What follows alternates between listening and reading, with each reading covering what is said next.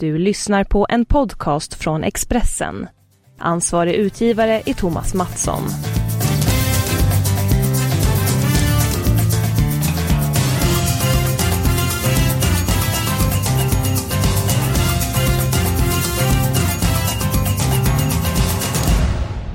Det är dags för en ny podd. Eh, Välkommen till Expressens podd eh, Avspark. Ni ska känna er mycket varmt välkomna. Eh, Hösten har kommit på två dagar i Sverige. Magnus Haglund, Sverige var väldigt framgångsrik i fotbolls-VM. Nu blev det förlust i genrepet mot Österrike. 2-0 tappades till 2-3 mot Turkiet i Nations League. Ska vi rent av vara oroliga inför framtiden? Nej, det tycker jag är för tidigt att, eh, att vara. Däremot så, det är klart att eh, vi fick stryk mot England i, i eh, VM-kvartsfinalen. Vi fick stryk mot Österrike. Och vi fick stryk med 2-3 hemma mot Turkiet efter att ha haft en 2-3 ledning. Så det är ju en, det är ju en trend som inte är, eh, inte är rolig i vart fall. Nej, men de förklarar det som att leder med 2-0 över Turkiet och tappar, släpper in två väldigt eh, sena mål. Vad säger du om matchen och insatsen Sverige gör i sin helhet? Mm.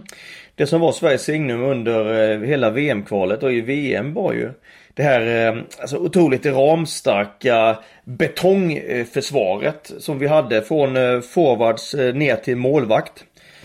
Och det innebär ju att, att Sverige var otroligt svårforcerade. Och vi var ju totalt dominerande i vårt eget straffområde. Sverige hade ju ett straffområde som var, Eskil, i princip ointagligt. Eh, däremot i, i matchen eh, mot eh, både Österrike och Turkiet så visade det sig att motståndarna kunde få en del uträttat i vårt eget straffområde. Så att defensivt så skiljer det en hel del i våra förflyttningar och i vårt sätt att freda eget, eget straffområde. Men varför fortsätter man inte med det spel som man hade i VM då? Ja, det är så att det, det är väldigt krävande. Det kräver enormt mycket förflyttningar. Det kräver att man är, att man är verkligen där på alla sätt, vilket man var under VM-kvalet och VM. Lite mer slitna, lite mer sega spelare nu. Eh, vi får väl inte glömma heller att Andreas Granqvist inte har varit med, som var den stora försvarsgeneralen. Och den som är som eh, och kanske var den allra bästa spelaren i svenska backlinjen då. Så att eh, det har också stor betydelse. Eh, det offensiva spelet Eh, var heller inte på plats i matchen mot Turkiet mer än korta stunder tycker jag. Eh, så att eh, mm, lite mer oprecisa i passningsspelet. Få kontringar som blev vassa. Så att eh, egentligen ganska få bra längre anfall. Så att lite sämre defensivt, lite sämre offensivt. Och så får vi inte glömma att Emil Forsberg saknas också. Ja, eh, kan du få en fråga här eh, emellan så stick in och så pratar vi om Nations League senare. Från Ola Svensson i Degerfors. Hur mycket saknades Ola Toivonen och e- eh, Emil Forsberg mot Turkiet? Den duon, vad betyder det att de inte var med? Det betyder en hel del. Framförallt Ola Toivonen är strålande i både off och def. Han eh, betyder mycket. Han är otroligt bra i starten av det svenska försvarsspelet. Eh, ger väldigt fina signaler till övriga laget, gör rätt saker i defensiven. Eh, I offensiven så är han väldigt skicklig på att hålla i bollen och, och länka spel ihop med Marcus Berg. Eh, och det är klart det tar lite tid innan, innan Isak Kiese hittar det sam, samspelet med Marcus Berg som Ola Toivonen hade. Emil Forsbergs förmåga såklart att hålla fast bollen, att slå ut, att slå ut en och två motståndare, komma till avslutsläge eller assistläge är ju såklart, eh, var var såklart eh, saknat i matchen. Inget, inget snack eh, om det. Ja, vi får se hur det blir framöver med Emil. Ska vi vara tillbaka i landslaget. Eh, och gå tillbaka till Nations League. Hur ser det ut för svenskt vidkommande efter förlusten? Nu verkar Ryssland på bortaplan, Turkiet på bortaplan, sen avslutar hemma mot eh, Ryssland. Hur ser det ut eh, för Sverige? Lever fortfarande hoppet att vi ska kunna vinna den här gruppen? Ja, det krävs det ju att vi... Eh, givetvis får vi inte förlora fler matcher. Vi behöver vinna alla tre eller två segrar och en, en oavgjord. Eh, jag tycker dock att tiden talar ändå hyfsat för Sverige därför att eh, Eh, nu gick ju Sverige långt i VM. Eh, vissa spelare fick ta lite ledigt efter VM och fick lite kortare försäsong i sina klubbar, vilket Jan Andersson också påpekade. Som en av anledningarna till att vi såg lite sega ut i svenska landslaget. Eh, så att tiden talar ändå, ändå för oss. Eh, där, tycker jag. Ja. Så här efterhand skulle varit bättre om den här Nations League startade om en månad liksom när lagen och klubbarna och spelarna var igång eh, istället. Eh, är det det du vill ha sagt? Ja det vill jag. Det tycker nog Kroatien också idag. Eh, Kroatien gick ju synnerligen långt till VM. Mm. Eh, och eh, var ju inte i stöten igår när man eh, mötte Spanien och fick stryk med hela 6-0. Ja, oj, oj, vilken stjärnsmäll. Vi ska snart prata om andra lagen som har förlorat väldigt stort. Jag sticker bara emellan med mina säkra den här veckan. Match nummer 3, Chelsea-Cardiff. Det är klasskillnad. Ett av Englands bästa lag mot ett av de sämsta lagen i Premier League. På Stamford Bridge så ska Chelsea vinna komfortabelt. Match nummer 5, Manchester City-Fulham. Den regerande mästaren mot en bra nykomling. En del skador i Manchester City. Kevin De Bruyne är inte redo för spel ännu. Ett stort minus för Manchester City. Men det ska bli seger i alla fall mot eh, Fulham. Inga speciellt roliga vinnare jag har nämnt, men väldigt sannolika vinnare. Sen kommer jag även att spika i, eh, den fjärde matchen. Huddersfield mot Crystal Palace. Det är hög tid att Crystal Palace levererar. Eh, har en del frågetecken inför den här matchen men man bör besegra eh, Huddersfield på bortaplan i alla fall. Du nämnde att eh, Kroatien fick stryk med 6-0. Det fick tyvärr även Island mot Schweiz. Och sen så blev det en ny förlust mot Belgien. 0-3. Erik Hamrén, ny förbundskapten i Island, fått en väldigt tråkig start på sitt jobb. Eh, jag vet om du såg matchen mellan Island och Belgien. Vad såg du för någonting? Ja, om vi ska börja med, ta det från början. Erik Hamréns första match mot eh, Schweiz så fick man alltså, som du sa, 0-6. Eh, och efter 0-3 så tyckte jag att Island verkligen liksom packade ihop och vek ner sig den matchen, vilket jag aldrig har sett dem göra tidigare. Så det var väldigt illavarslande. Vad borde det på då, då? Att man gav upp? Nej, det är väldigt, eh, väldigt svårt att säga varför energin inte fanns där. Okej, man saknade några bärande spelare. Det ska liksom, det ska jag ha sagt. Eh, men likväl så är, bygger ju liksom hela den eh, isländska traditionen med lagidrott och så vidare bygger ju på ett extremt hårt kollektivt arbete och vara försvarsstarkt och och, och, och liksom svårspelat. Och det, det, det, var ingenting av det man levde upp till den matchen mot, mot Schweiz. Så det blev ju en riktigt jobbig och, och ja, en katastrofal start givetvis då. Eh, för Hamrén i sitt, eh, i, sitt, i sitt nya jobb. Bättre mm. däremot mot Belgien Eskil. Ja, för tar man då med Schweiz så saknar Schweiz ett par spelare. Det blev ju 0-6. Sen så Belgien, som är ett betydligt bättre lag än Schweiz. Det blev det 0-3 och eh, dina synpunkter från den matchen? Ja, det var jag tycker att eh, faktiskt att Island började matchen ganska bra. Eh, och det såg ut att man verkligen ville revanschera sig inför sin, eh, sin fina publik i Reykjavik. Och man kom ut och krigade om varje boll och hade också en del eh, en del eh, vettiga anfall. Så att det, jag tyckte det såg ganska bra ut. Sen trots allt då så tog Belgien över efterhand i första halvlek och det blev 0-2 i paus. Men eh, jag tycker som helhet så är det en eh, är det en, en godkänd eh, match av Island. Ungefär vad man kan eh, kanske, eh, kanske mer begära. Alltså Belgien är ju en, är ju en eh, absoluta världstoppen. Och så att det var ett fall framåt. Det måste liksom Hamrén och, och laget ta med sig. Att det var ett steg i rätt riktning. Och att det är därifrån man får bygga och bara glömma den här matchen mot Schweiz. För det var ju, det var ju i sig då en katastrof. Ja, du sa att eh, de vek ner sig mot Alplandet då i samband med 0-3 målet. Eh, hur tyckte du att de stod upp igår när man eh, låg under mot Belgien? Han vek sig aldrig. Jobbade på varje boll och gjorde allt man kunde i alla, alla situationer matchen igenom.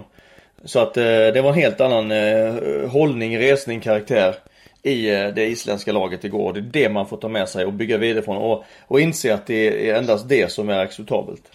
Mm, intressant där eh, Magnus. En ny fråga riktad till mig när jag lossnade för West Ham. Så att West Ham har haft en hel del skador inledningsvis. Var på väg mot första poängen senast. Du gjorde en nykomling Wolverhampton mål på stopptid. Eh, så de har det väldigt jobbigt. Eh, jag tror faktiskt att de kan ta poäng till helgen. Möter Everton. Det är på söndag. Borta i Liverpool spelas den matchen. Mängder med eh, i Everton. Och eh, jag tror att West Ham kommer kämpa till sig minst en poäng i den matchen. Helgade matcherna på Stryktipset går vi in på. Matchen mot Watford-Manchester United.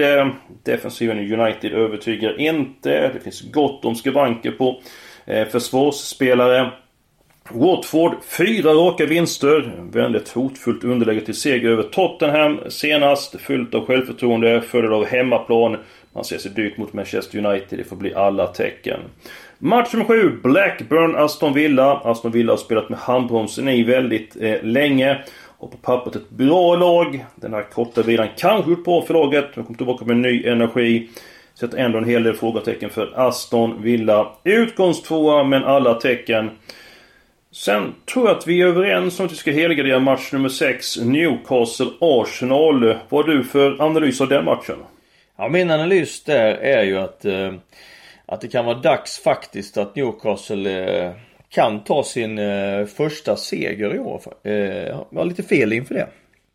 För att? Därför att eh, jag har sett både Newcastle och eh, Arsenal. Newcastle eh, har gjort ett, har åkt på några tre uddamålsförluster på topplag och varit nära poäng i, i alla de matcherna. Kanske för, bortsett från matchen mot Chelsea där man faktiskt var utspelat. Men man har totalt presterat rätt okej okay ändå och fått ganska hyggligt klen utdelning. Eh, Benitez är ju väldigt skicklig på att organisera laget och sätta upp det inte minst defensivt och har ju ett vasst kontringsspel. Det kommer passa Arsenal väldigt illa. Som ju öppnar upp matcherna, vill spela men anfaller med allt för dålig balans i laget. Åker på många kontringar och släppt in många mål. Två mål i snitt på de första fyra matcherna.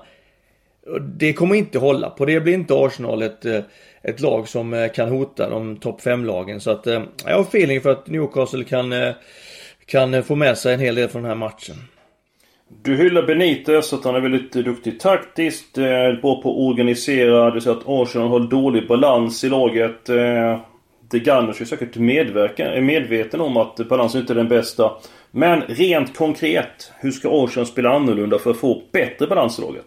Nej, de måste eh, ha fler spelare på rätt sida boll när man går till anfall helt enkelt. Man eh, Emre som eh, kommer från PSG där han hade ligans helt överlägset bästa material. Inga problem att anfalla med eh, att ha, ha ganska få spelare i balans. Eh, vilket gör att man, man var så överlägsen så man spelade klart nästan alla anfall ändå och tappar väldigt lite boll på vägen fram till motståndarens straffområde. Eh, exakt det materialet, eller så bra material har han inte i förhållande till ligans övriga kapacitet i Arsenal. Men han spelar på liknande sätt. Vilket eh, tror jag blir ett lite tufft eh, uppvaknande här för honom efterhand. Och han måste ändra det. Måste bättra balansen i laget och släppa in färre mål om Arsenal ska komma någonstans. Men är det inte ganska enkel eh, åtgärd? Eh, spelarna är så pass bra skolade. Är det inte så att de vet var de ska vara på planen? Riktigt så enkelt är det inte. De, de spelar utifrån det som managern eh, både dem att göra. Och han vill ju spela och ha liksom full bredd på bägge sidor och många centrala spelare. Och han, han vill ha eh, väldigt många alternativ framåt och då får du något alternativ, eh, då får du en, en, någon spelare färre i, som balanserar laget. Som sagt, det gick väldigt bra i PSG. Han kom säkert på Arsenal med övertygelsen att ska göra samma saker som ledde till alla segrar i PSG nya förutsättningarna nu. Ju fortare han lär sig det här, ju snabbare eh, kommer eh, Arsenal göra, göra resultat. Men eh, innan det är åtgärdat så kommer resultaten att svaja och de kommer att vara involverade i målrika matcher. Mm, jag är inne på din linje. Jag tycker Arsenal är en svår favorit och kan Jonjo Shelby spela. Ni vet biljardhuvudet. Så betyder det väldigt mycket för Newcastle. Han har en enorm fighting spirit och betyder väldigt mycket för de svartvita. Dags för de halvgarderade matcherna på Stryktipset. Match nummer två Bournemouth-Leicester. Bournemouths första förlust i serien kom senast. Eh, Leicester får tillbaka Jamie Wardy. Det är han som gör mål ur inga vinklar alls. Trots det så tar jag bort tvåan. Ett kryss på den matchen. Match nummer 10 Hull mot Ipswich. Eh, Hull har tradition lätt mot Ipswich. Jag tror inte att man förlorar den matchen. Ett kryss där. Match nummer 12, Örebro mot eh, överraskningslaget Sundsvall. Jag är imponerad av Sundsvall. Örebro på rätt väg igen. Har en del frågetecken för viktiga spelare. Men om de spelar eh, så jag tror att eh, det kan bli poäng mot Sundsvall. 1-2 på den matchen. Jag tar bort krysset för om Sundsvall vinner som faktiskt med i medaljstriden. Magnus Haglund, en av världens bästa fotbollsspelare, heter Maradona och eh, nu har eh, eh, den här geniet till fotbollsspelare fått ett nytt jobb. Du får berätta. Ja, det tillkännagavs ju här i dagarna att han blir ny eh, huvudtränare för eh, Dorades. Eh, som ju är en eh, klubb i den mexikanska andra ligan. Mm. Vad minns du av Maradona? Om vi börjar med honom som eh, spelare så kan vi berätta om hans tränarkarriär sen. Vad minns du av honom som spelare? Ja, det var ju en eh, ynnest att få följa hans karriär. Och många, eller blev framröstad eh, av, eh, i en omröstning i, som Fifa höll i till 1900-talets eh, bästa fotbollsspelare i världen. Ehm, Eh, var ju en spelare som, eh, som genom eh, Boca Juniors eh, såldes eh, till Barcelona för rekordsumman 50 miljoner kronor 1982. Eh, på den tiden helt eh, hiskliga pengar. Eh, och sen vidare till Napoli. Där han ju var i sju säsonger, vann två ligatitlar, vann kuppen, vann Uefa-cupen. Eh, parallellt med detta då, ett fantastiskt spel i eh, det argentinska landslaget med, med VM, fyra VM. Eh, han, de vann ju VM som du kommer ihåg 86 och var, gick till final 90. Eh, en otrolig karriär, 91 landskamper, 34 mål. Eh, alltså en, en otrolig spelare med helt fantastiska egenskaper.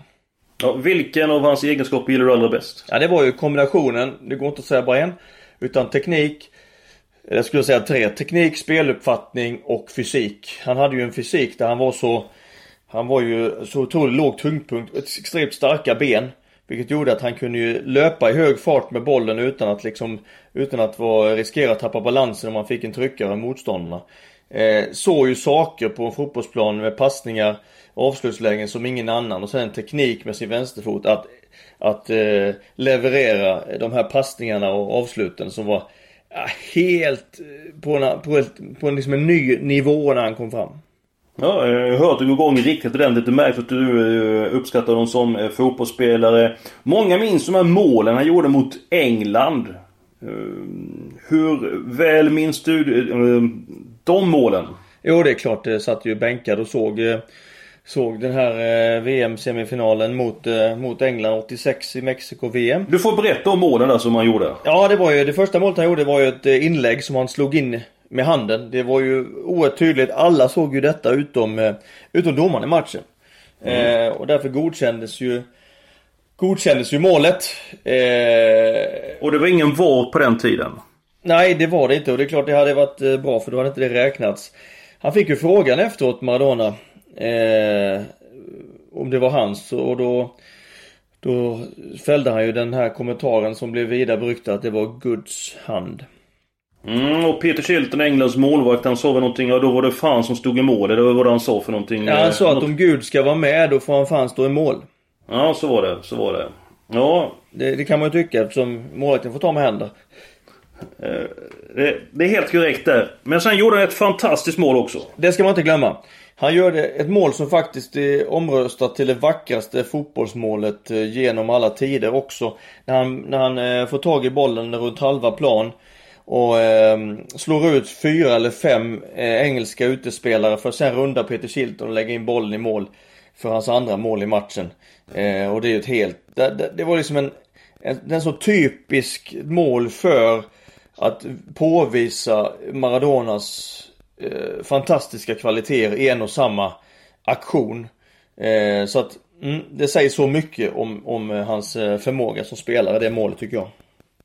Om vi talar eh, om Maradona som eh, tränare och hans eh, karriär som bland annat förbundskapten. Eh, hur vill du beskriva den? Ganska sporadiska insatser som tränare egentligen. Under en, eh, under en 25-årsperiod har han varit eh, eh, en en och två säsonger i, ett, i en handfull klubbar.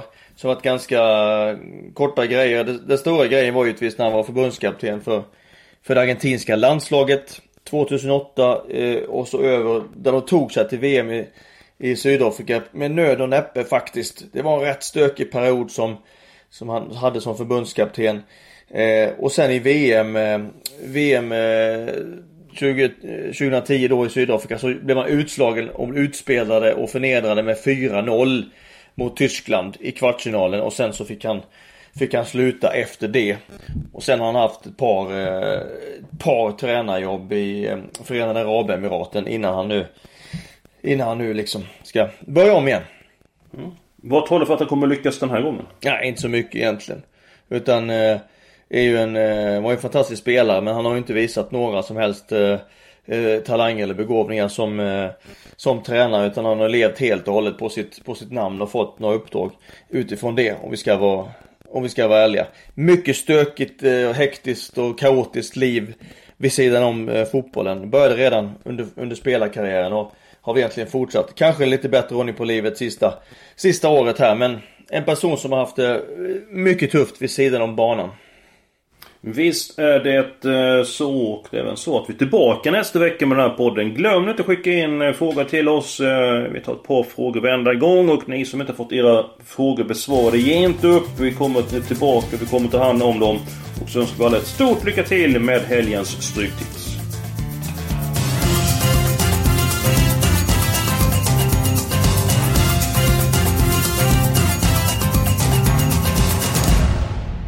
Du har lyssnat på en podcast från Expressen. Ansvarig utgivare är Thomas Mattsson. Ett poddtips från Podplay. I fallen jag aldrig glömmer djupdyker Hasse Aro i arbetet bakom några av Sveriges mest uppseendeväckande brottsutredningar. Går vi in med hemlig telefonavlyssning och, och då upplever vi att vi får en total förändring av hans beteende. Vad är det som händer nu? Vem är det som läcker? Och så säger han att jag är kriminell, jag har varit kriminell i hela mitt liv men att mörda ett barn, där går min gräns. Nya säsongen av Fallen jag aldrig glömmer på Podplay.